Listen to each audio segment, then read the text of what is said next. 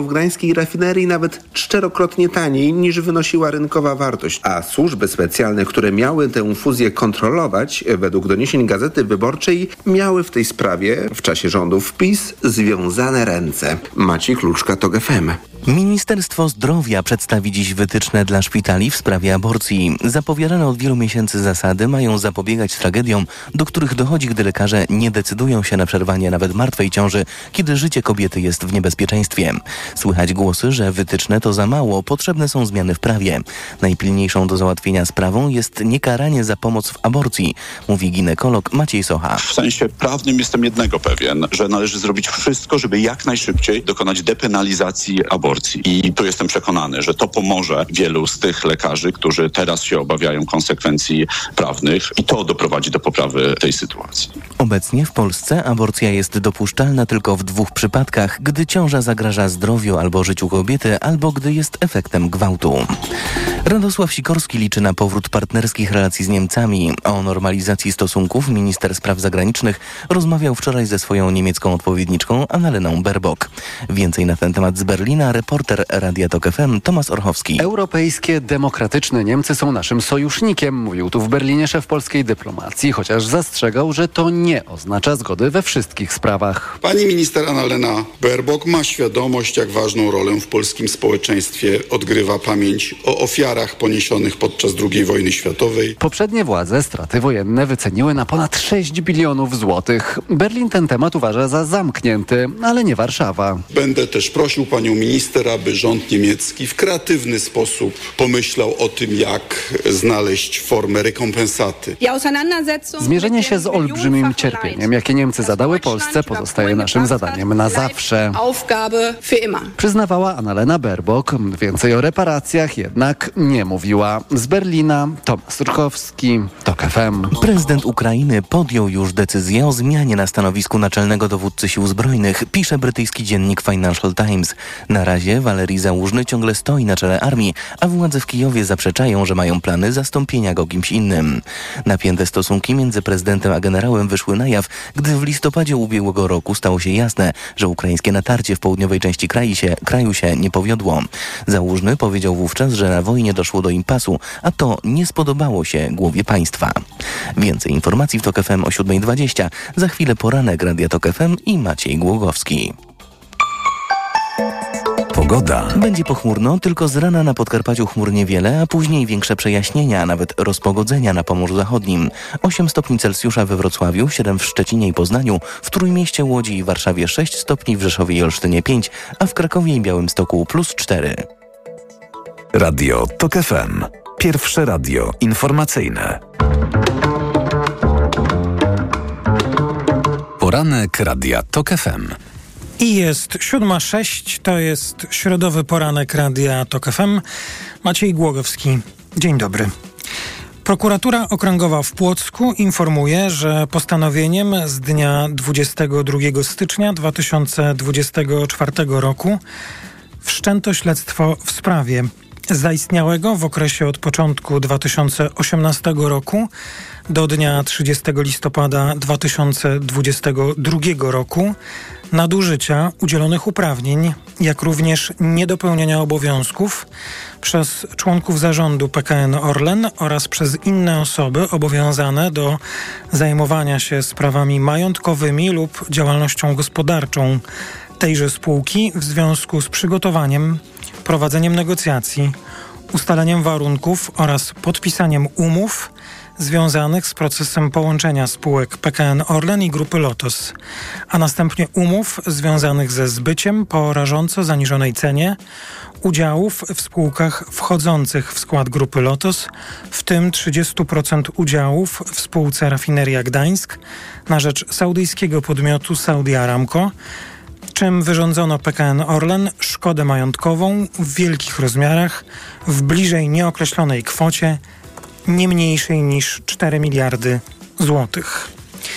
Wszczęto śledztwo w sprawie przekroczenia uprawnień oraz niedopełnienia obowiązków służbowych w okresie od początku 2020 roku do 30 listopada 2020 roku przez funkcjonariuszy publicznych w związku z nieodpowiednim sprawowaniem nadzoru nad procesem połączenia spółek PKN Orlen i Grupy Lotos, w tym przez prezesa Urzędu Ochrony Konkurencji i Konsumentów, poprzez niewłaściwe zastosowanie przepisów ustawy o kontroli niektórych inwestycji i wydanie w dniu 22 sierpnia 2022 roku decyzji zezwalającej PKN Orlen na zbycie 30% udziałów w spółce Rafineria Gdańsk.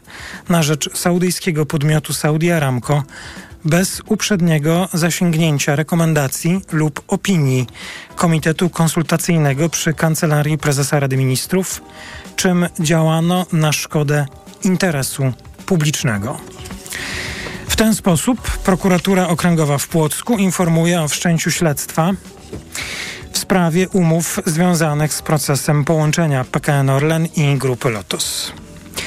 To dopiero śledztwo. Czy, komu i jakie zostaną postawione zarzuty, dopiero się przekonamy. Nie musimy się za to przekonywać, bo to po prostu pewne. Rząd Prawa i Sprawiedliwości jest odpowiedzialny za rozbiór spółki Lotos i wpuszczenie do Polski, do sektora paliwowego, inwestorów nie ukrywających współpracy z Rosją. I działo się to w czasie wojny, którą Rosja prowadziła i wciąż prowadzi przeciwko Ukrainie. Rozpoczynamy środowy poranek Radia TOK FM, w którym o śledztwie w sprawie połączenia Orlenu i Lotosu z pewnością będziemy mówić. Można powiedzieć, nareszcie będzie można rozmawiać o śledztwie, bo do jego wszczęcia, czy na jego wszczęcie również trzeba było czekać. Będziemy mówić także o sytuacji Ukrainy broniącej się przed Rosją, bezpieczeństwie Europy, zwłaszcza naszej części Europy, a także o edukacji, wyższych wynagrodzeniach nauczycieli i mniejszym obciążeniu uczniów. A to z pewnością nie wszystkie tematy. Naszymi gośćmi będą dziś po najbliższych informacjach Paweł Kowal, przewodniczący Sejmowej Komisji Spraw Zagranicznych, a za chwilę pełnomocnik rządu do spraw odbudowy Ukrainy. Po 7.40 Janna Kluzik-Rostkowska, zastępczyni przewodniczącego Sejmowej Komisji Obrony Narodowej. Po 8.00 gościem poranka będzie Paulina Piechna-Więckiewicz, wiceministra edukacji narodowej, a w komentatorskiej części poranka, czyli po 8.20 Dominika Długosz, i Agata Kondzińska, poranek Radia TOK FM. Rozpoczynamy od przeglądu prasy i nie tylko prasy. Na początek małe uzupełnienie do sprawy prokuratorskiego śledztwa w sprawie Orlen i Lotos. W jakiej sprawie śledztwo jest, czy będzie e, prowadzone, już Państwu cytowałem obszernie, komunikat prokuratury, to by dopełnić informacji, dodam, że w komunikacie prokuratury wskazano artykuły kodeksu karnego, których ewentualne naruszenie może wchodzić w grę, więc jeszcze tych kilka zdań dla takiego pełnego obrazu sytuacji. Funkcjonariusz publiczny, który przekraczając swoje uprawnienia lub nie dopełniając obowiązków działa na szkodę interesu publicznego lub prywatnego, podlega karze pozbawienia wolności do lat trzech kto będąc obowiązany na podstawie przepisu ustawy, decyzji właściwego organu lub umowy do zajmowania się sprawami majątkowymi lub działalnością gospodarczą osoby fizycznej, prawnej albo jednostki organizacyjnej nie mającej osobowości prawnej, przez nadużycie udzielonych mu uprawnień lub niedopełnienie ciążącego na nim obowiązku wyrządza jej znaczną szkodę majątkową, podlega karze pozbawienia wolności od trzech miesięcy do lat pięciu jeśli sprawca przestępstwa wyrządza szkodę majątkową w wielkich rozmiarach, podlega karze pozbawienia wolności od roku do lat 10. Na te właśnie przepisy kodeksu wskazała prokuratura. Temat Orlenu, Lotosu i śledztwa jest dzisiaj tematem otwarcia mm, Gazety Wyborczej, papierowego wydania Gazety Wyborczej. Zachęcam, by jeszcze uzupełnić swoją wiedzę. Mam wrażenie, że temat y, y, wyprzedaży lotosu y, i śledztwo, które zostało wszczęte, mam wrażenie, że my jako opinia publiczna, dzięki działalności mediów, ekspertów, polityków, samorządowców wiemy już naprawdę bardzo dużo. Jeszcze poznamy szczegóły raportu NIK-u, gdy zostanie ujawniony. Mam nadzieję, że prokuratury. Nie wiem, jak będzie z komisją śledczą, chociaż od dawna wydaje mi się, że taka komisja powinna powstać, bo dzięki tej komisji i jej publicznej pracy moglibyśmy usłyszeć polityków, biznesmenów e, czy decydentów, którzy podejmowali decyzje, usłyszeć jakie mają odpowiedzi przy śledztwie prokuratorskim, aż chyba tak e, transparentnie my jako obywatele nie będziemy mogli śledzić, czy nie będziemy mogli aż w taki sposób śledzić e, poczynań prokuratury, choć nie mam wątpliwości co do tego, że prokuratura dołoży starań, by to śledztwo było prowadzone w sposób rzetelny ale mając w dyspozycji, w świadomości wszystko, co już media ujawniły, TVN24, Gazeta Wyborcza, kto jest odpowiedzialny za tę transakcję, jak pomijano organy państwa, które sprzeciwiały się tej transakcji, taka komisja mogłaby nam e, też uświadomić, jak działało państwo w minionej e, ośmiolatce. Wsłuchiwałem się wczoraj w konferencję pana premiera Donalda Tuska, czekając właśnie na pytanie o komisji śledczej, odniosłem wrażenie, że nie stanowi y, komisja śledcza w sprawie Lotosu dla, dla premiera w tej chwili priorytetu. Y, wracam do przeglądu prasy. Gazeta Wyborcza. Rząd bierze się za Trybunał. To jest kolejny tekst, na który warto zwrócić uwagę. Szósta strona w papierowym wydaniu Gazety Wyborczej. Wydarzenia mają rozegrać się na sali sejmowej. Plan jest taki, by było to najbliższe posiedzenie Sejmu. Posłowie zbierają się 7 lutego. Nasz rozmówca, pisze Gazeta z Ministerstwa Sprawiedliwości, potwierdza, że gotowe są projekty uchwał w sprawie Trybunału. To wiedza, którą swoim urzędnikom podzielił się, ze swoimi urzędnikami podzielił się Adam Bodner, ale nie podał szczegółów.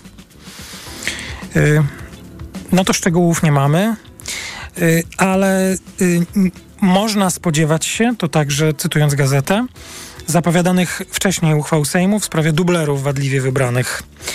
I być może uznania, że ci dublerzy dubler, y, nie są sędziami, co dla nie powiem większości, bo nie mam tego zbadanego, ale co dla wszystkich logicznie myślących osób, czy posługujących się logiką, może tak, e, powinno być oczywiste, że dubler nie może być sędzią i nie należy go sędzią nazywać. Co z Trybunałem dzisiaj w Gazecie Wyborczej? Rzeczpospolita bardzo dużo czasu, e, miejsca dzisiaj poświęca Prawu i Sprawiedliwości, a to za sprawą sondażu, który e, Rzeczpospolita zamówiła, a sondaż dotyczy samego prezesa Jarosława Kaczyńskiego. Pytanie, cytuję. Jarosław Kaczyński zapowiedział rezygnację z funkcji prezesa PiS w 2025 roku. Czy pana, pani zdaniem powinien przyspieszyć decyzję i zrezygnować już w tym roku? Strasznie żałuję, że to nie ja mogłem odpowiadać na to pytanie w tym e, sondażu, bo wybrałbym inny zestaw odpowiedzi niż tutaj zaproponowano. Zdecydowanie tak, raczej tak, raczej nie, zdecydowanie nie, nie wiem. Ja bym zaproponował, jakie to ma znaczenie w końcu i tak e, ten sondaż dla prezesa znaczenia nie ma i wszystkie publiczne wypowiedzi w sprawie jego odejścia też większego znaczenia nie mają. W każdym razie, by nie trzymać państwa w niepewności, wynik jest taki, już uogólniając, 66 procent wskazało, że tak, prezes powinien przyspieszyć swoje odejście, a niespełna 27, że nie. I omówienie tego sondażu w różnych wydaniach e, dzisiaj w Rzeczpospolitej jest, e, można zajrzeć, ale także o sprzątaniu firm po PiSie, bo to jest fuzja Orlenu i Lotosu w prokuraturze, ale też e, sprawa Ostrołęki, walne zgromadzenie akcjonariuszy Enei, Mm, zgodziło się na e, dochodzenie roszczeń wobec byłych władz spółki, które zgodziły się w 2018 roku na budowę mm, bloku węglowego w Ostrołęce. To ta wielka porażka politycznie Prawa i Sprawiedliwości, tak należy powiedzieć, e, inwestycyjna, miliardowe straty. Też ciekawy raport e, NIK-u w tej sprawie. Mm, tygodnik Polityka, dzisiaj środa, więc jest nowe wydanie Tygodnika Polityka. Też sporo miejsca dla Prawa i Sprawiedliwości o kulisach e, PiSu. Opozycja w niedyspozycji pisze Wojciech Szacki. Oficjalnie PiS znowu zmierza po władzę, jak zapowiedział Mateusz Morawiecki. Wtrącenie ode mnie, no ale co innego miałby zapowiadać. Ale za kulisami wrze. Słychać niezadowolenie, widać wątpliwości wobec powyborczej linii Jarosława Kaczyńskiego. Co z tego może wyniknąć? Pyta i odpowiada. E, Wojciech Szacki i można do tego zajrzeć, a tuż e, obok, kolej tuż obok w gazecie w tygodniku, tuż kawałek dalej, kolejny artykuł, o, szukałem dobrego sformułowania, o micie pojednania. Co z tym naszym pojednaniem, to z kolei Mariusz e, i Janicki mm, pisze. Bez prawdy czy ujawnienia prawdy pojednania są oczywiście trudne. Ja przypomnę, jak Donald Tusk, premier Tusk mówił o tym E, pojednaniu, to pokazywał to jako ostatni punkt. Wcześniej była bardzo konkretna lista, co się musi stać przed pojednaniem. Między innymi pokazanie tego, co było, zadośćuczynienie, a na końcu było pojednanie. Informacje w Radiu TOK FM o 7.20. Po informacjach pierwszym gościem poranka będzie pan profesor Paweł Kowal.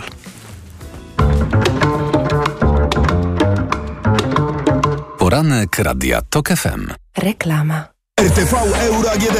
Jeszcze tylko dzisiaj. Karnawał rabatów w euro. Wybrane produkty w super cenach. Lodówka Samsung No Frost. Wysokość 203 cm. Najniższa teraz ostatnich 30 dni przed obniżką to 2989. Teraz za 2899 zł. A dodatkowo aż do 50 rat 0%. I do maja nie płacisz na cały asortyment. RRSO 0%. Szczegóły i regulamin w sklepach i na euro.com.pl Jestem. Już wróciłeś? Dwa tygodnie szybko minęły. Ale co to były za tygodnie? Mm. Rzeczywiście, jesteś odmieniona. Gdzie ty dokładnie byłaś? Bristol Art and Medical Spa w Bosku Zdroju. Zabiegi wykorzystujące naturalne złoża wód siarczkowych, dyplomowani fizjoterapeuci oraz rytuały w spa. Mm. A wolne terminy? Wystarczy zarezerwować. Bristol Art and Medical Spa w Bosku Zdroju. bristolbusko.pl Finał wielkiej wyprzedaży w Media Expert. Smartfony, smartwatche, telewizory, laptopy, ekspresy do kawy, odkurzacze, pralki i zmywarki, lodówki i suszarki w super niskich cenach. Nowy rok, nowe okazje w Play. Teraz wybrane smartfony 5G w ofercie z abonamentem do 50% taniej. Przejdź do Play i wybierz na przykład Samsung Galaxy A54 5G za pół ceny. Szczegóły w salonach i na play.pl, bo w Play płacisz mniej. Play. Reklama. Radio TOK FM. Pierwsze radio informacyjne. Informacje TOK FM. 7.20 Piotr Jaśkowiak, zapraszam. Nowy rząd zapewnia, że nie zrezygnuje z ubiegania się o zadośćuczynienie od Niemiec za II wojnę światową. O reparacjach rozmawiał w Berlinie minister spraw zagranicznych Radosław Sikorski ze swoją tamtejszą odpowiedniczką. Jeśli premier uważa, że są potrzebne wybory, bo chce na przykład wyeliminować swoich koalicjantów, niech złoży wniosek o samorozwiązanie Sejmu, namawia doradca prezydenta Marcin Mastalerek w rozmowie z Wirtualną Polską. Donald Tusk powiedział, że taki scenariusz wchodzi w grę, jeśli prezydent nie podpisze budżetu. Pakistański sąd skazał byłego premiera na 14 lat więzienia za korupcję, a wczoraj za ujawnianie tajemnic państwowych. Imran Khan jest obecnie najważniejszą postacią opozycji w Pakistanie. Nie będzie mógł wziąć udziału w przyszłotygodniowych wyborach. Jego aresztowanie w ubiegłym roku doprowadziło do zamieszek. Kartel narkotykowy słynnego gangstera El Chapo dawał pieniądze na kampanię wyborczą obecnego prezydenta Meksyku w 2006 roku, wynika z dziennikarskiego śledztwa.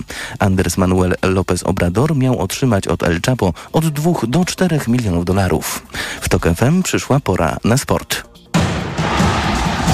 Informacje sportowe.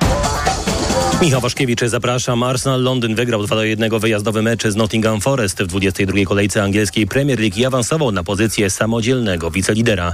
Do Liverpoolu traci dwa punkty. Porażki doznała natomiast czwarta w tabeli Aston Villa, która uległa Newcastle 1-3. Dziś kolejne mecze, w tym hit kolejki Liverpool podejmie Chelsea. Znamy kompletę ćwierćfinalistów piłkarskiego Pucharu Narodów Afryki. W ostatnich meczach 1-8 finału Mali wygrało z Burkina Faso 2-1, a RPA pokonało Maroko 2-0. W piątkowych ćwierćfinałach ćwierćfinałach Nigeria zagra z Angolą, a Demokratyczna Republika Konga z Gwineą. W sobotę Mali zmierzy się z gospodarzem Wybrzeżem Kości Słoniowej, a RPA zagra z Wyspami Zielonego Przylądka. Poznaliśmy także kolejnych ćwierćfinalistów piłkarskiego Pucharu Azji. Korea Południowa zremisowała z Arabią Saudyjską 1 do 1, ale awansowała po rzutach karnych, a Uzbekistan wygrał z Tajlandią 2 do 1. Dziś ostatnie mecze jednej ósmej finału. Bahrain zagra z Japonią, a Iran z Syrią. To mógł być wspaniały dzień dla polskich alpejek w Pucharze Świata. Maryna Gąsienica-Daniel po pierwszym przejeździe była siódma, Magdalena Łuczak trzynasta w gigancie w Kromplac. Niestety Polki zepsuły finałowy przejazd. Gąsienica-Daniel popełniła kilka błędów i spadła na 24 miejsce, a Łuczak w ogóle nie dojechała do mety. Do takiego obrotu sprawy ze spokojem podszedł trener Marcin Orłowski. Ten dobry pierwszy przejazd oczywiście nastawia pozytywnie, ale ale nie, jakby to nie jest do końca wynik. Zawody składają się z dwóch przejazdów i na to trzeba patrzeć, więc e, Oczywiście fajnie po pierwszym przejeździe być w, w, dobrym miejscu i mieć szansę atakować w drugim. Na pewno apetyty były, no skończyło się jak się skończyło. Zawody w Kronplac wygrała Szwajcarka Lara Gutberami, liderka Pucharu Świata w tej konkurencji i wiceliderka klasyfikacji generalnej. Drugie miejsce egzekwo zajęły nowozelandka Alice Robinson i Szwedka Sara Hector. Ewa Soboda czasem 7 sekund 700 wygrała finałowy bieg na 60 metrów i pobiła rekord zawodów Czech Indoor Gala w Ostrawie, zaliczanych do cyklu World Indoor Tour Gold. Pija Skrzyszowska wynikiem 7,82 pobiła rekord meetingu w biegu na 60 metrów przez płotki. Na podium stanął także Mateusz Borkowski, który był trzeci na 800 metrów. Teraz w TOK FM prognoza pogody.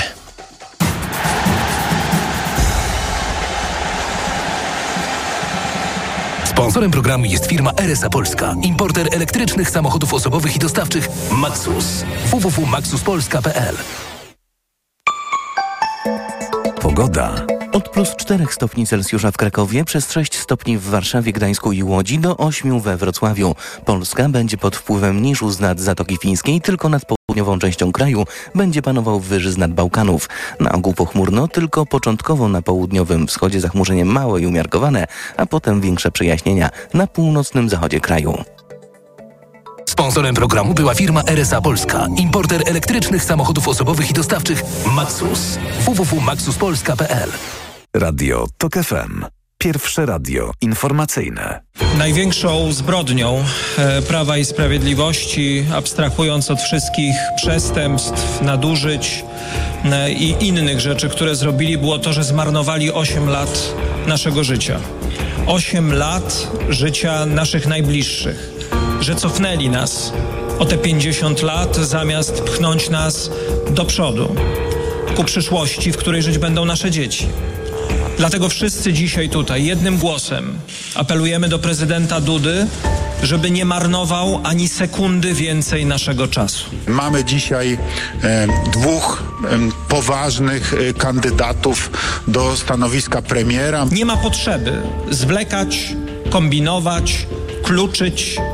Trzeba po prostu jasno i wyraźnie powiedzieć tak Naród, który wybrał Pana na to stanowisko, suweren, który powierzył Panu tę misję, właśnie przemówił. Dlatego po spokojnej analizie i przeprowadzonych konsultacjach postanowiłem powierzyć misję sformowania rządu premierowi Mateuszowi Morawieckiemu. Prezydent się skompromitował. 11,5 miliona ludzi zostało ci spoliczkowanych przez prezydenta i tak naprawdę zobaczyło, że prezydent nie wyszedł z żadnych szat PiSu przez te wszystkie ostatnie 7 lat, a cały czas jest prezydentem, który jest pod nóżkiem Kaczyńskiego. Radio TOK FM. Pierwsze radio informacyjne. Posłuchaj, aby zrozumieć.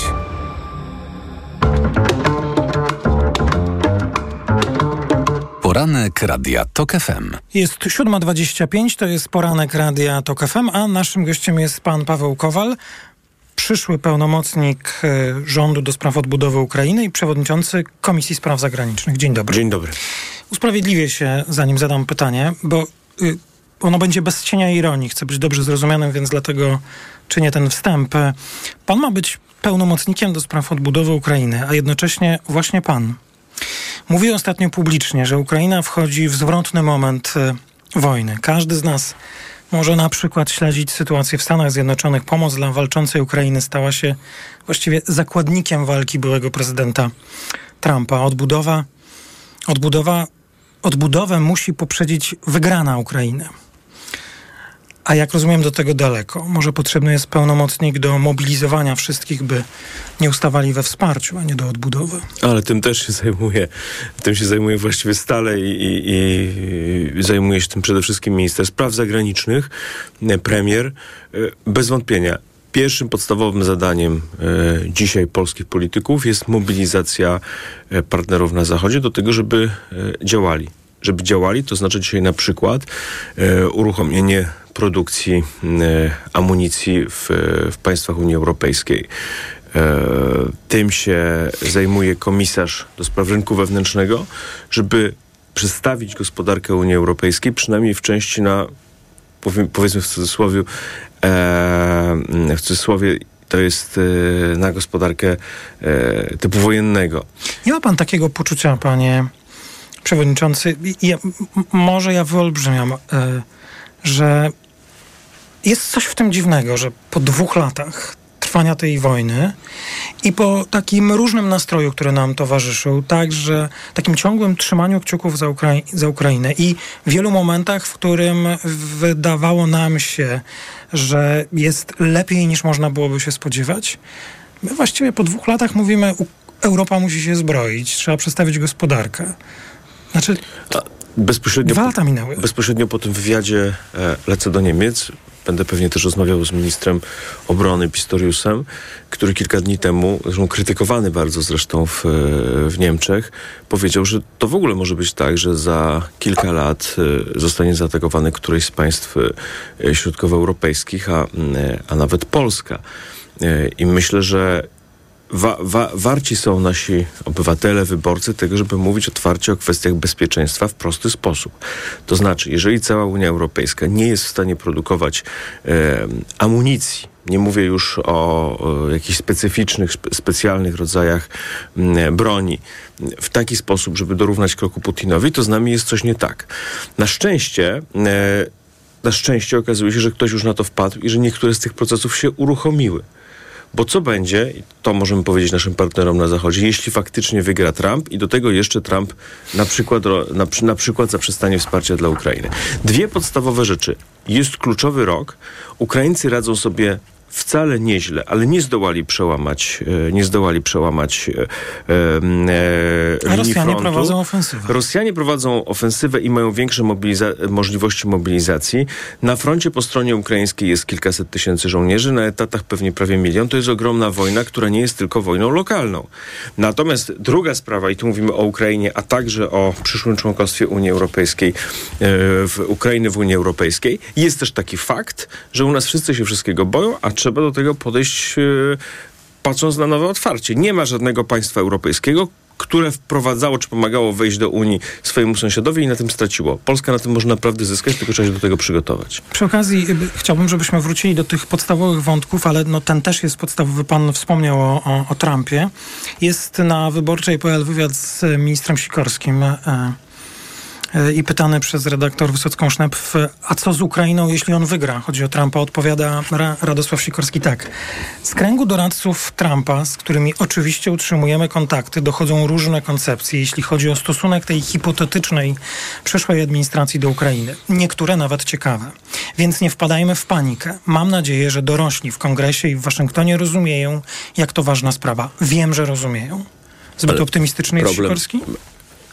Moje informacje, czy e, moje relacje w środowisku republikanów e, są również takie, że oni mówią spoko, będzie dobrze, my jesteśmy twardzi, rozumiemy znaczenie e, wygrania z Rosją dla bezpieczeństwa Zachodu.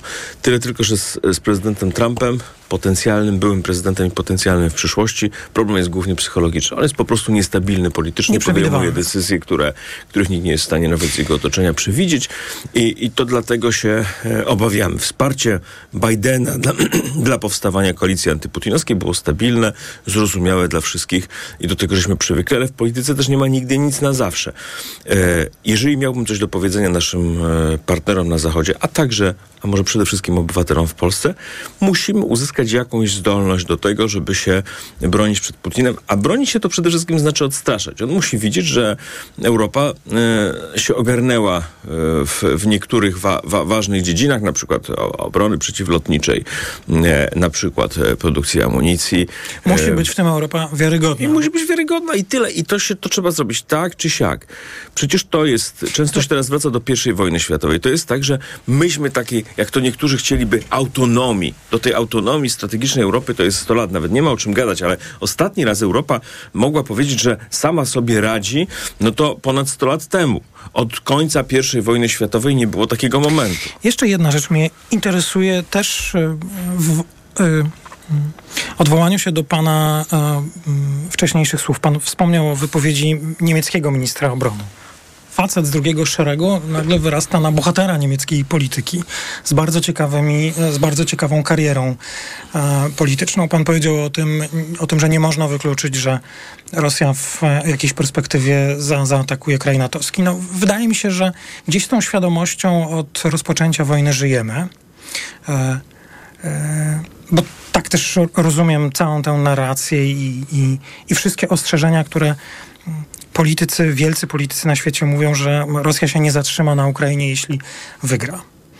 Ale czy nie uważa pan, że to jest trochę niekonsekwentne wobec nas, wobec opinii publicznej, że z jednej strony mówi nam się, Polska i inne kraje należą do najfantastyczniejszego klubu, jakim jest polityczno-obronny no. sojusz NATO, a z drugiej strony mówi nam się Rosja, o której powiedzieliście i pan też, e, i prezydent Biden, strategicznie przegrała na wejściu y, na Ukrainę, może zaatakować natowski kraj. To, to jest proste. Proszę mi to wytłumaczyć. To jest proste. Ja podtrzymuję, rok temu zresztą opublikowałem o tym książkę, e, podtrzymuję, że Rosja się rozpadnie.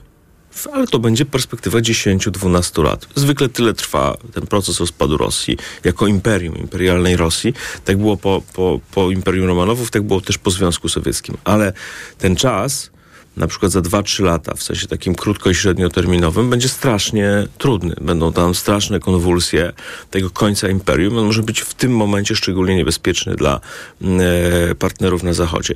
Jest oczywiście pewien problem to radio jest takie spokojniejsze, więc mogę dwa zdania o tym powiedzieć, bo przecież naszą rolą nie jest straszyć. Kiedy ja to mówię, to nie po to, żeby wystraszyć kogoś, kto teraz pije poranną kawę i żeby mu powiedzieć, żeby sobie, e, jeśli ma na to środki, nie wiem, kupił mieszkanie w Hiszpanii ja czy chciał, Portugalii. byli poważni wobec naszych obywateli. To chodzi o, mobiliz- to chodzi o mobilizowanie. Pistorius był, był krytykowany za to, że straszy Rosją, że to pomaga Rosji e, właśnie grać strachem. Ja nie chciałbym tak powiedzieć. Na przykład chciałbym powiedzieć, że widać, że przynajmniej ta koalicja amunicyjna e, w Unii Europejskiej, ona się poskładała ona się poskładała. A ja czytam opracowanie OSW, które pisze, Zachód nie jest w stanie dostarczyć Ukrainie tyle amunicji artyleryjskiej, ile w pierwszych kilkunastu miesiącach rosyjskiej inwazji. A ja wiem, że przy każdej analizie liczy się czas, miejsce, ale także dynamika. I widzę, że uruchomiła się dynamika, która pozwala powiedzieć naszym obywatelom, zmobilizujmy się, zmobilizujmy Zachód no, a, a, do kogo my mówimy? Jasne, ja, ja, tylko chcę, żeby pan to wyraźnie powiedział. Jakie ma pan oczekiwania, ja, mówiąc, jakoś, zmobilizujmy przecież, się? Przecież to jest tak, że skoro ja o tym się wypowiadam publicznie, to obywatelki i obywatele, kiedy spotykają mnie w tramwaju mm, e, albo autobusie, bo często korzystam z Kowal jeździ tramwajami, e, jak jest w Warszawie. Albo w windzie sąsiedzi, to mnie przecież o to pytają, my o tym rozmawiamy. I co pan odpowiada? No mówię im, że mamy 2-3 lata, e, że opatrzność nam jeszcze raz dała szansę, 2-3 lata na pokazanie Putinowi, że jesteśmy nie do ruszenia. Jeżeli ktoś będzie siedział, jeżeli ktoś będzie traktował to, to stare już NATO jako taki klub dżentelmena i siedział, wyobraźmy sobie, w takim fotelu i myślał, o jestem starym NATO, to mi nic nie grozi, no to w ten sposób się nie zbuduje bezpieczeństwa ani swojego, ani sąsiadów. I więcej, naszą rolą nie jest po prostu mobilizowanie innych, dlatego że my jesteśmy dzisiaj częścią tego Zachodu i musimy iść do każdego z nich i powiedzieć, słuchajcie, nasza wspólna chałupa jest zagrożona. Mamy czas, bo Ukraińcy walczą. Trzeba zrobić dwie rzeczy. Dostarczyć Ukraińcom amunicję, Resztę oni muszą sami zrobić, bo tu jest jeszcze jeden warunek. Oni muszą zrobić porządną mobilizację w tym roku, bo już jest coraz trudniej, bo jednak tych ludzi mają mniej no, do wysłania na front niż Rosjanie, co nie? A my, my zyskujemy czas. A politycznie bo przecież ja nie, nie, jestem producentem broni, nie, nie zajmuję się innowacjami w przemyśle, jestem politykiem. Politycznie w tym czasie mobilizujemy. Taki, takie jest zadanie tego rządu w Polsce, takie jest zadanie ludzi, którzy rozumieją, co się dzisiaj dzieje na świecie. A że wielu siedzi w fotelu, i tak jak, nie wiem, w 1916 roku w Wiedniu siedzi i sobie myśli, Imperium Austro-Węgierskie będzie trwało zawsze, no to ja nic nie poradzę. Zawsze muszą być tacy, którzy chodzą i mówią, jednak trzeba się przygotować na coś nowego, jednak stoimy na grani historii, chociaż komuś się może wydawać, że będzie jak było. Lepiej być gotowym, ale też myślę, że mm, trzeba też powiedzieć wprost y, o wszystkim, o czym pan powiedział. Y, ryzyko wzrosło, zagrożenia y, są i trzeba je nazywać, co nie oznacza, że to, o czym pan mówił, jest realną przyszłością, tylko po prostu scenariuszem, to który może się scenariuszy, zdarzyć. dlatego że w tych, tych scenariuszy, szczególnie w trakcie rozpadu imperium, może być kilka różnych, są oczywiście też scenariusze e, nieco łagodniejsze. Natomiast dla mnie jest jedno pewne, że czeka nas ostra walka na szczytach władzy w Rosji, której, którą będziemy widzieć, albo której nie, która nie będzie całkiem wyraźna. Dlatego, że Putin jednak wystawił Rosję przegrywając z punktu widzenia jego doradców oczywiście, czy jego otoczenia, może nie doradców, jego współpracowników, przegrywając bitwę o Kijów, potem e, Hersoń, to ten rok 22 był dla wielu ludzi w Rosji, którzy spodziewali się szybkich zwycięstw, traumatyczny. To nie jest tak, że oni dzisiaj siedzą i zapijają się szampanem. Oni mają problem, dlatego że Ukraińcy okazali się twardzi, okazali się mieć zdolność do utrzymania swojego rządu, do utrzymania terytorium, do mobilizacji. Po prostu Ukraińcy stanęli na wysokości zadania. Rok 23 był dość e, potem yy, taki statyczny, dlatego że nie Mało było... przełomowy, Mało przełomowy, ale to, też, to też jest tak, że Rosjanie głębiej nie weszli. To też jest tak, że Ukraińcom udawało się odbijać yy, jakieś mniejsze miejscowości. Yy, no wytrzymali. Wytrzymali przede wszystkim atak na infrastrukturę krytyczną, więc to ja nie chciałbym dzisiaj wygłosić orędzia pod tym Ukraińcy sobie nie radzą. Przeciwnie, powiedziałbym, Ukraińcy sobie radzą, a te rzeczy, które musimy robić jako, mm, jako, jako Polska, to są kwestie, które trzeba, no muszą biegnąć równolegle, czyli równolegle przygotować się do odbudowy, bo ta wojna się skończy, równolegle pomóc im dzisiaj i równolegle mobilizować się na Zachodzie. Pan Paweł Kowal, przewodniczący Sejmowej Komisji Spraw Zagranicznych, dziękuję za rozmowę. Dziękuję bardzo. Informacje w Radiu TOK FM. Po informacjach gościem poranka będzie pani Joanna Kluzik-Rostkowska. Poranek Radia TOK FM. Autopromocja. Dołącz do Tok FM Premium. Teraz 40% taniej. Wybierz te audycje Tok FM, które Cię interesują. Słuchaj swoich ulubionych programów zawsze, gdy masz na to czas i ochotę. W pakiecie otrzymasz dostęp do nagradzanych seriali reporterskich oraz produkcji specjalnych Tok FM, dostępnych wyłącznie w internecie. Słuchaj tak jak lubisz, wygodnie i bez reklam. Tok FM Premium. Więcej niż radio. Teraz 40% taniej. Szczegóły oferty znajdziesz na tokefm.pl. Autopromocja. Reklama. RTV Euro AGD. Jeszcze tylko dzisiaj. Karnawał rabatów w euro. Wybrane produkty w super cenach. Automatyczny ekspres ciśnieniowy Siemens EQ700. Najniższa cena z ostatnich 30 dni przed obniżką to 3799. Teraz za 3749 zł. A dodatkowo aż do 50 lat 0%. I do maja nie płacisz na cały asortyment. RRSO 0%. Szczegóły i regulamin w sklepach i na euro.com.pl. Porozmawiajmy o zakładaniu firmy. Jest z nami Radek Kotarski. Panie Radku, czy zna pan słowo infakt? Oczywiście, że tak. Co to znaczy infaktować? Infaktować to prowadzić firmę bez zmartwień. A ten, kto infaktuje? Ten wystawia faktury w aplikacji Infakt, a księgowy z Infaktu dba o porządek w księgowości. Infaktycznie. Załóż firmę bezpłatnie i bez wychodzenia z domu na infakt.pl. Infakt. Zakładanie firm i księgowość w jednym miejscu. Polecamy. Wodek Markowicz i Radek Kotarski. Specjalna środa w Biedronce. Tak, bo tylko w tę środę aż 5 produktów ze zwrotem 100% ich wartości. Tak, w środę kup z kartą Moja Biedronka lub aplikacją. Na przykład parówki Berlinki Classic, opakowanie 300 gramów lub szampon do włosów Head Shoulders, opakowanie 360 lub 400 ml różne rodzaje, a otrzymasz voucher na 100% ich wartości do wykorzystania na kolejne zakupy. Sprawdź wszystkie 5 produktów w sklepie. Szczegóły akcji na biedronka.pl. Specjalna środa to dobry powód, by iść do Biedronki. W nowej polityce, za kulisami PiS, opozycja w niedyspozycji, a także mit pojednania, jak odebrać coś obrodał, seks seniorów, koniec klanu Obajtków, tajemnice Złotej 44, dziki w wielkim mieście, depresja influencera, polityka w kioskach i na polityka.pl. Jestem. Już wróciłeś? Dwa tygodnie szybko minęły. Ale co to były za tygodnie? Mm. Rzeczywiście, jesteś odmieniona. Gdzie ty dokładnie byłaś? W Bristol Art and Medical Spa w Busku Zdroju. Zabiegi wykorzystujące naturalne złoża wód siarczkowych, dyplomowani fizjoterapeuci oraz rytuały w spa. Mm, a wolne terminy? Wystarczy zarezerwować. Bristol Art and Medical Spa w Busku Zdroju. bristolbusko.pl Marian, powiedz mi, po czym poznać taką, wiesz, prawdziwą, wielką wyprzedaż? Barbara, no po mocnym finale, tak jak w tym, y, w Media Expert. Jeszcze tylko dwa dni wielkiej wyprzedaży w Media Expert. Na przykład automatyczny ekspres do kawy DeLonghi Dynamica. Najniższa cena z ostatnich 30 dni przed obniżką 2899 zł 99 groszy. Teraz za jedyne 2444 z kodem rabatowym taniej o 455 zł. Media Expert. Za dużo obowiązków, za mało odpoczynku. Przez to wciąż czułam się zmęczona i dlatego byłam przygnębiona. To niestety odbijało się na naszych relacjach. Mama była smutna i zmęczona. Na szczęście mam to za sobą, a pomógł mi Mebevit B kompleks, skuteczne wsparcie układu nerwowego. Suplement diety Mebevit zawiera kompleks aż siedmiu witamin z grupy B dla sprawnej pracy umysłu. Teraz jestem mniej zmęczona i dzięki temu odzyskałam dobry nastrój. Mebevit B kompleks. Odzyskaj balans. Zdrowit. Reklama. Radio TOK FM. Pierwsze radio informacyjne. Informacje TOK FM. 7.43 Piotr Jaśkowiak, zapraszam. Nie wiadomo co dalej z programem Laptop dla ucznia. Komisja Europejska ma zastrzeżenia co do pokrywania jego kosztów z pieniędzy przeznaczonych na Krajowy Plan Odbudowy. Taki pomysł miał rząd Prawa i Sprawiedliwości. Czwartoklasiści dostali komputery przed wyborami. Bruksela może nie wypłacić pieniędzy. Wiceminister Edukacji Paulina Piechna-Więckiewicz przyznaje, że problem jest, a resort zastanawia się, co począć. Musimy to przeanalizować. No, rozmowy z Komisją Europejską też wiem, że trwały i no, mam nadzieję, że gdzieś dojdziemy do jakiegoś konsensusu. Możliwe, że w programie nastąpią zmiany. Poprzednia ekipa zakładała, że co roku laptopy mają dostawać kolejne roczniki czwartoklasistów. Konfederacja zapowiada, że poparłaby wniosek o skrócenie kadencji Sejmu i Senatu. Przedterminowych wyborów nie wyklucza premier, jeśli prezydent nie podpisze budżetu.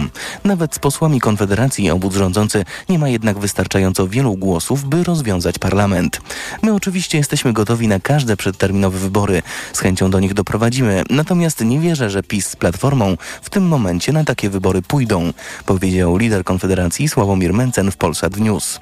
Gdyby większość parlamentarna nie uchwaliła budżetu na czas, prezydent miałby podstawy, by skrócić kadencję Sejmu i Senatu. Wśród prawników nie ma zgody, czy będzie to możliwe, także jeśli prezydent odeśle budżet do Trybunału, a sędziowie go uchylą. Andrzej Duda decyzję w sprawie budżetu musi podjąć dzisiaj. Słuchasz informacji TOK FM. Organizacja Narodów Zjednoczonych ostrzega, że wstrzymanie wpłat na agencję do spraw palestyńskich uchodźców skończy się katastrofą. Niektóre państwa, m.in. Stany Zjednoczone i Niemcy, zdecydowały się na taki krok po tym, jak Izrael oskarżył agencję o współpracę z Hamasem. Wycofanie funduszy poskutkuje załamaniem się pomocy humanitarnej w strefie gazy, czytamy w oświadczeniu ONZ. Rząd w Tel Awiwie twierdzi, że nawet co dziesiąty pracownik agencji należy do Hamasu albo palestyńskiego dżihadu, ale nie podaje na to dowodów. Z amerykańskiego stanu Delaware uznał, że najbogatszy człowiek świata zarabia za dużo. Skargę złożył udziałowiec należącego do Ilona Maska koncernu Tesla. Domagał się zablokowania wypłaty niemal 56 miliardów dolarów prezesowi. Sąd przyznał mu rację. W odpowiedzi Musk napisał w należącym do niego serwisie społecznościowym X Nigdy nie zakładajcie swojej firmy w stanie Delaware. Więcej informacji w TOK FM o 8. Pogoda. Przed nami pochmurna środa, tylko na Podkarpaciu rano trochę słońca, w drugiej połowie dnia także na Pomorzu Zachodnim większe przejaśnienia. Od zachodu nadejdzie nieznaczny deszcz. Od plus 3 stopni Celsjusza na północnym wschodzie, około 6 stopni w centrum, do plus 8 na Dolnym Śląsku. Radio TOK FM. Pierwsze radio informacyjne. Poranek Radia TOK FM. I jest 7.40, prawie 46. To jest środowy poranek Radia TOK FM. W studiu pani Joanna Kluzik-Rostkowska, Platforma Obywatelska, zastępczyni przewodniczącego Sejmowej Komisji Obrony Narodowej. Dzień dobry. Dzień dobry, zgadza się wszystko. Tutaj. Zbrojenia, wydatki zbrojeniowe, inwestycje w armię. Jak rozumiem, mamy co do tego zgodę, że to jest ważne, konieczne, bo w Europie tuż za naszą granicą Rosja prowadzi wojnę, tak? Tak, w oczywisty sposób tak. Do tego trzeba nałożyć jeszcze jedną rzecz, to znaczy prawdopodobną, choć mam nadzieję, że niepewną e, wygraną Trumpa w, w następnych wyborach, co powoduje, że możemy, e, że możemy e, myśleć o tym, że Trump będzie wycofywał Stany z NATO, będzie te linki przerywał. Mhm. Widzę, że pan redaktor jest trochę zaskoczony tym, co mówię, ale, nie, nie, ale w, w środowiskach związanych z bezpieczeństwem. Scenariusze na temat tego, co może się wydarzyć, kiedy e, Trump wygrałby te wybory, są ćwiczone od, e, od pewnego czasu. I żeby była jasność, Trump nie musi wyprowadzać Stanów z NATO. Wystarczy, że on chyba... o tym powie, tak. czy napisze na mm, Twitterze i wtedy już wszystko jest inaczej. Ja, ja nie jestem e, zaskoczony tym, co pani mówi, tylko wręcz przeciwnie, pasuje mi taka scenariuszowa rozmowa, bo, bo, myślę, że musimy sobie zdawać sprawę, że scenariusze, o których e, dyskutuje się w przestrzeni publicznej, no właśnie po to są scenariuszami, żeby zdawać sobie sprawę z różnych rzeczy, które mogą się zdarzyć, a niekoniecznie dlatego, że one się na pewno zdarzą. Oczywiście. Ale Skoro otwarcie możemy sobie mówić o potrzebie uzbrajania armii, by budować naszą odporność i to odstraszanie, o którym kilka minut temu mówił Paweł Kowal, to czy nie jest to też dobry moment powiem górnolotnie, dobry moment w historii naszej, e, by mówić i, i, działać przede wszystkim na rzecz budowy odporności naszego społeczeństwa. Oczywiście. Mam na myśli takie mhm. obszary jak e, walka z dezinformacją, tak. ale także edukacja w podstawowym obszarze. Jak każdy i każda z nas powinien, powinna zachować się, gdyby Polska znalazła się w sytuacji kryzysu czy bezpośredniego zagrożenia? Yy, jest tak po kolei. To, co mnie irytowało bardzo w rządach PiSu, to było takie przeświadczenie, silni, zwarci, gotowi, damy radę. Kupimy ileś czołgów, ileś samolotów i, to, i po prostu już będziemy tacy świetni i nie, o, o, obronimy się przed wszystkim. Naprawdę tutaj odniesienie do roku 39 nie jest, nie jest, nie jest mhm. przypadkiem, ponieważ oczywiście trzeba kupić sprzęt, ale do tego trzeba jeszcze mieć ludzi, trzeba ich y, przeszkolić i to jest coś, czego ja nie widziałam wtedy, tak? Bo jeżeli mówimy o tym, że żeby Polska była obroniona, to potrzebujemy 160 samolotów, nie mamy jeszcze takiej liczby, to do tych 160 samolotów potrzebujemy ponad 400 pilotów, a wypuszczamy z, z Dęblina rocznie 40, a przeszkolenie pilotów y, trwa 5 lat. Więc to też jeszcze trzeba widzieć nie tylko e, w sensie za, zakupu e, sprzętu, ale w tych wszystkich tych ludzi, którzy będą go obsługiwać. To jest rzecz jedna. Rzecz druga, która mnie bardzo drażniła mm, w, w czasach PiSu, my tak naprawdę w wojnie hybrydowej już jesteśmy. To jest e, i w, i w takiej sytuacji, wszędzie, gdzie są głębokie podziały społeczne, wszędzie, gdzie tam te namiętności są, są takie duże, to są sytuacje, w których my jako społeczeństwo jesteśmy osłabieni. E, generał Gerasimow, czyli szef rosyjskich wojsk w roku 2013 ukuł taką e, doktrynę zwaną doktryną Gerasimowa i powiedział, co trzeba robić, żeby osłabić swojego przeciwnika. Otóż trzeba dewaluować e, elity, dewastować edukację, centralizować wszystko, grać na głębokie podziały i na y, chaos. I to jest coś, co PiS robiło od początku swojej władzy. Oczywiście nie dlatego, tak sobie myślę, że przeczytali y, doktrynę i powiedzieli, o to fajnie, bo nam też się to podoba, tylko dla swoich interesów nie zauważali, że osłabiają nas jako, jako społeczeństwo. Do tego wszystkiego dochodzą jeszcze inne rzeczy. Kiedy była, y, przechodziła ustawa o obronie tak, o tak, to wypadło ze starej ustawy cała, no, wypadł cały pakiet obrony cywilnej. No i może I to o tym porozmawiajmy. I to musi wrócić i jest kwestia, no i, ale też już na przykład myśmy rozmawiali wtedy o tym, że trzeba zrobić przegląd schronów tylko że przegląd y, schronów we wszystkich miejscach Polski, w których one są, albo przygotowanie innych miejsc, które by mogły nimi być, to jest przekazanie pieniędzy samorządom. I PiS już tutaj w ogóle nie chciał o, o, o tym rozmawiać. Więc jakby armia to jedno, ale nasza odporność i w sensie takim psychicznym, że my powinniśmy wiedzieć, my cywile w momencie y, po, po, powinniśmy wiedzieć, co mamy robić w, w, momencie zag, zagrożenia, a tym bardziej, że z dużym, oczywiście tu rysuję naprawdę bardzo czarne ale scenariusze, ale mhm. musimy zakładać, że na przykład y, sieci y, telefoniczne padną. I my to, i to, i w tej chwili jest ten czas, żeby się do takich działań przygotować. No dobrze, I oczywiście im lepiej się przygotujemy, tym mniej prawdopodobne, że to się wydarzy. Tak? I, jeszcze raz y, musimy sobie to opowiedzieć tak na, na wszelki wypadek. Y, to, że rozmawiamy o y, budowie odporności i przygotowaniu na wypadek najczarniejszego scenariusza nie, jest, nie oznacza, że on się na pewno zdarzy, bo my tego nie wiemy. Ale myślę, że odpowiedzialnie i nie jest to w żaden sposób nadużycie ani straszenie. Myślę, że w sposób odpowiedzialny możemy powiedzieć, że dożyliśmy takich czasów, w których nikt odpowiedzialnie właśnie dziś nie wykluczy, że do sytuacji kryzysowej nie dojdzie. Rosja rozpoczęła wojnę w Europie i to znaczy... oglądamy. I teraz pani powiedziała, y, y, przedstawiła listę rzeczy, które powinny się wydarzyć.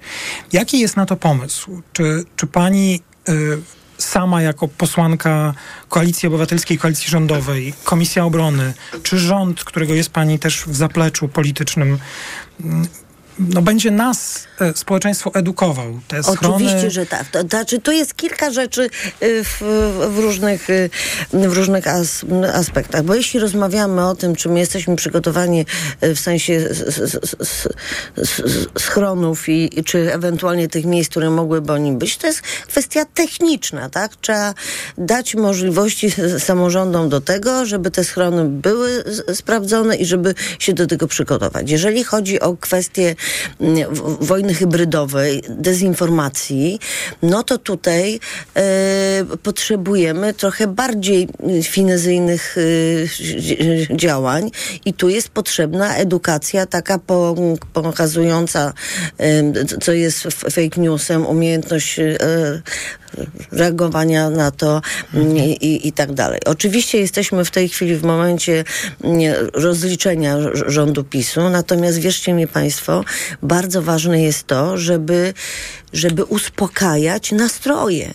To, na, to, że my jesteśmy tak głęboko podzieleni, to, że Antoni Macierewicz swoimi szaleństwami po prostu wykopał rów y, po, y, między nami, to wszystko powoduje, że my jako społeczeństwo jesteśmy słabsi niż moglibyśmy być. Więc to jest ile... I oczywiście trzeba, trzeba uzupełnić tę te, ustawę pierwszą, tą, tą, tą ustawą, która będzie będzie porządkowała kwestie z obrony cywilnej.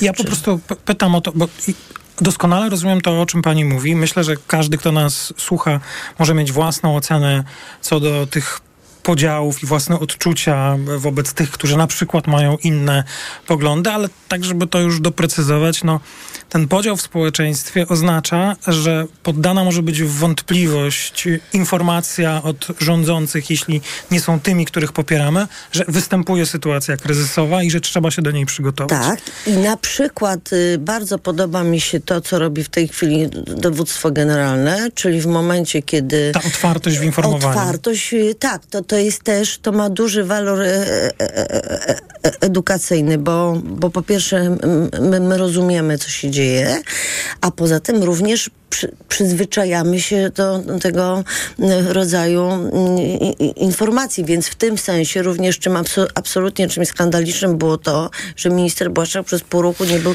się w stanie przyznać, no tak. że, że, że, że, coś Polsce I rozumiem, spadło, że tak? pani jest przekonana, że takie działania, które będą nas uczyły, e, jak się zachować, że sytuacje kryzysowe mogą się zdarzyć, będą podjęte. Panie redaktorze, muszą, musi to wszystko się wydarzyć i ja powiem tak, w przeszłości byłam dziennikarką. Akurat wojny na Ukrainie nie obserwuję, ale ileś innych konfliktów zbrojnych widziałam. Między innymi wielokrotnie byłam w, w Czeczeni. I wierzcie mi państwo, że przejście ze strefy pokoju do strefy wojny jest, jest tak krótkie i tak, y, y, tak już z perspektywy czasu oczywiste, że po prostu naprawdę trzeba się przygotować do tego, żeby to się nie wydarzyło. Więc to wszystko, o czym ja w tej chwili mówię, to wszystko jest po to, żeby to się nie wydarzyło. Na, natomiast nie jest wyjściem udawanie, że jest świetnie, bo nie jest świetnie. I do tego wszystkiego, o czym rozmawiamy, ważna jest również polityka y, międzynarodowa, bo świadomość y, państw, nie wiem, Francji, Hiszpanii, Włoch i tak dalej, o tym, że jak przejdą przez nas, to pójdą do nich, jest żadna. Y, generalnie tej starej zachodniej Europie się wydaje, że ta sytuacja ich nie dotyczy. W związku z tym też rządom tych państw trudniej pomagać y, Ukrainie, więc tutaj naprawdę, a żeby była jasność, my jako Polska oczywiście musimy być przygotowani na to, żeby w pierwszej chwili mm, sobie poradzić, ale w perspektywie dłuższej my potrzebujemy NATO, potrzebujemy Europy. A mówiliśmy o tym wszystkim dlatego, że jak już stwierdziliśmy także i w pierwszej e, rozmowie przed informacjami z panem posłem Kowalem, wiarygodne odstraszanie odsuwa najczarniejsze scenariusze. Tak. To na koniec e, zmieniając y, temat i powracając do tego, co niektórym się wydaje jest y, w tej polskiej polityce w tej chwili najważniejsze, a wydaje mi się, że o sprawach najważniejszych my rozmawialiśmy. No ale jest ta taka polityka, polityka. No to po kolei. Czy pani wie, mm, jakie są te plany y, dotyczące Trybunału Konstytucyjnego na najbliższym posiedzeniu Sejmu? Co tam zrobicie? Yy, nie tej jeszcze się bo... tym nie interesowałam, bo to dopiero przyszły tydzień. Poza tym yy, nie moja komisja. Tak no, to nie moja komisja, ale pani głos później. A czy tak. pani byłaby gotowa podnieść rękę za uchwałą stwierdzającą, że dubler nie jest sędzią TK? E, no, no przecież nie jest, więc no nie jest. o czym to rozmowa. Czy pani uważa, że powinna powstać w Polsce komisja śledcza do spraw lotosu? E, powiem tak, na pewno powinna e, ta sprawa być bardzo dobrze przebadana. Jako członek komisji do spraw Pegasusa i to jest komisja numer 3, mam takie obawy, że jak tych komisji będzie bardzo, bardzo dużo, to się po prostu zakomisjonujemy, więc... Ale ta sprawa nie, nie, już jest określana przez tak, niektórych ale... jako największa Ale... afera 40-lecia. Y, to jest bardzo poważna rzecz. Jeżeli taka komisja będzie potrzebna, to ja myślę, że, mm, że ona będzie, tak. Myślę, że y, kwestia Pegasusa, że tak tu powiem, z swojego punktu widzenia też jest wielką aferą. To prawda, no podsłuchiwanie opozycji... Nie licytujmy się. Nie, nie będziemy się licytować. Tą różnicą do afery Watergate, że tam się nie udało, a u nas się udało, czyli podsłuchiwać a, No u nas się udało, opozycji. tak. To, to trzeba będzie wyjaśnić. 7.59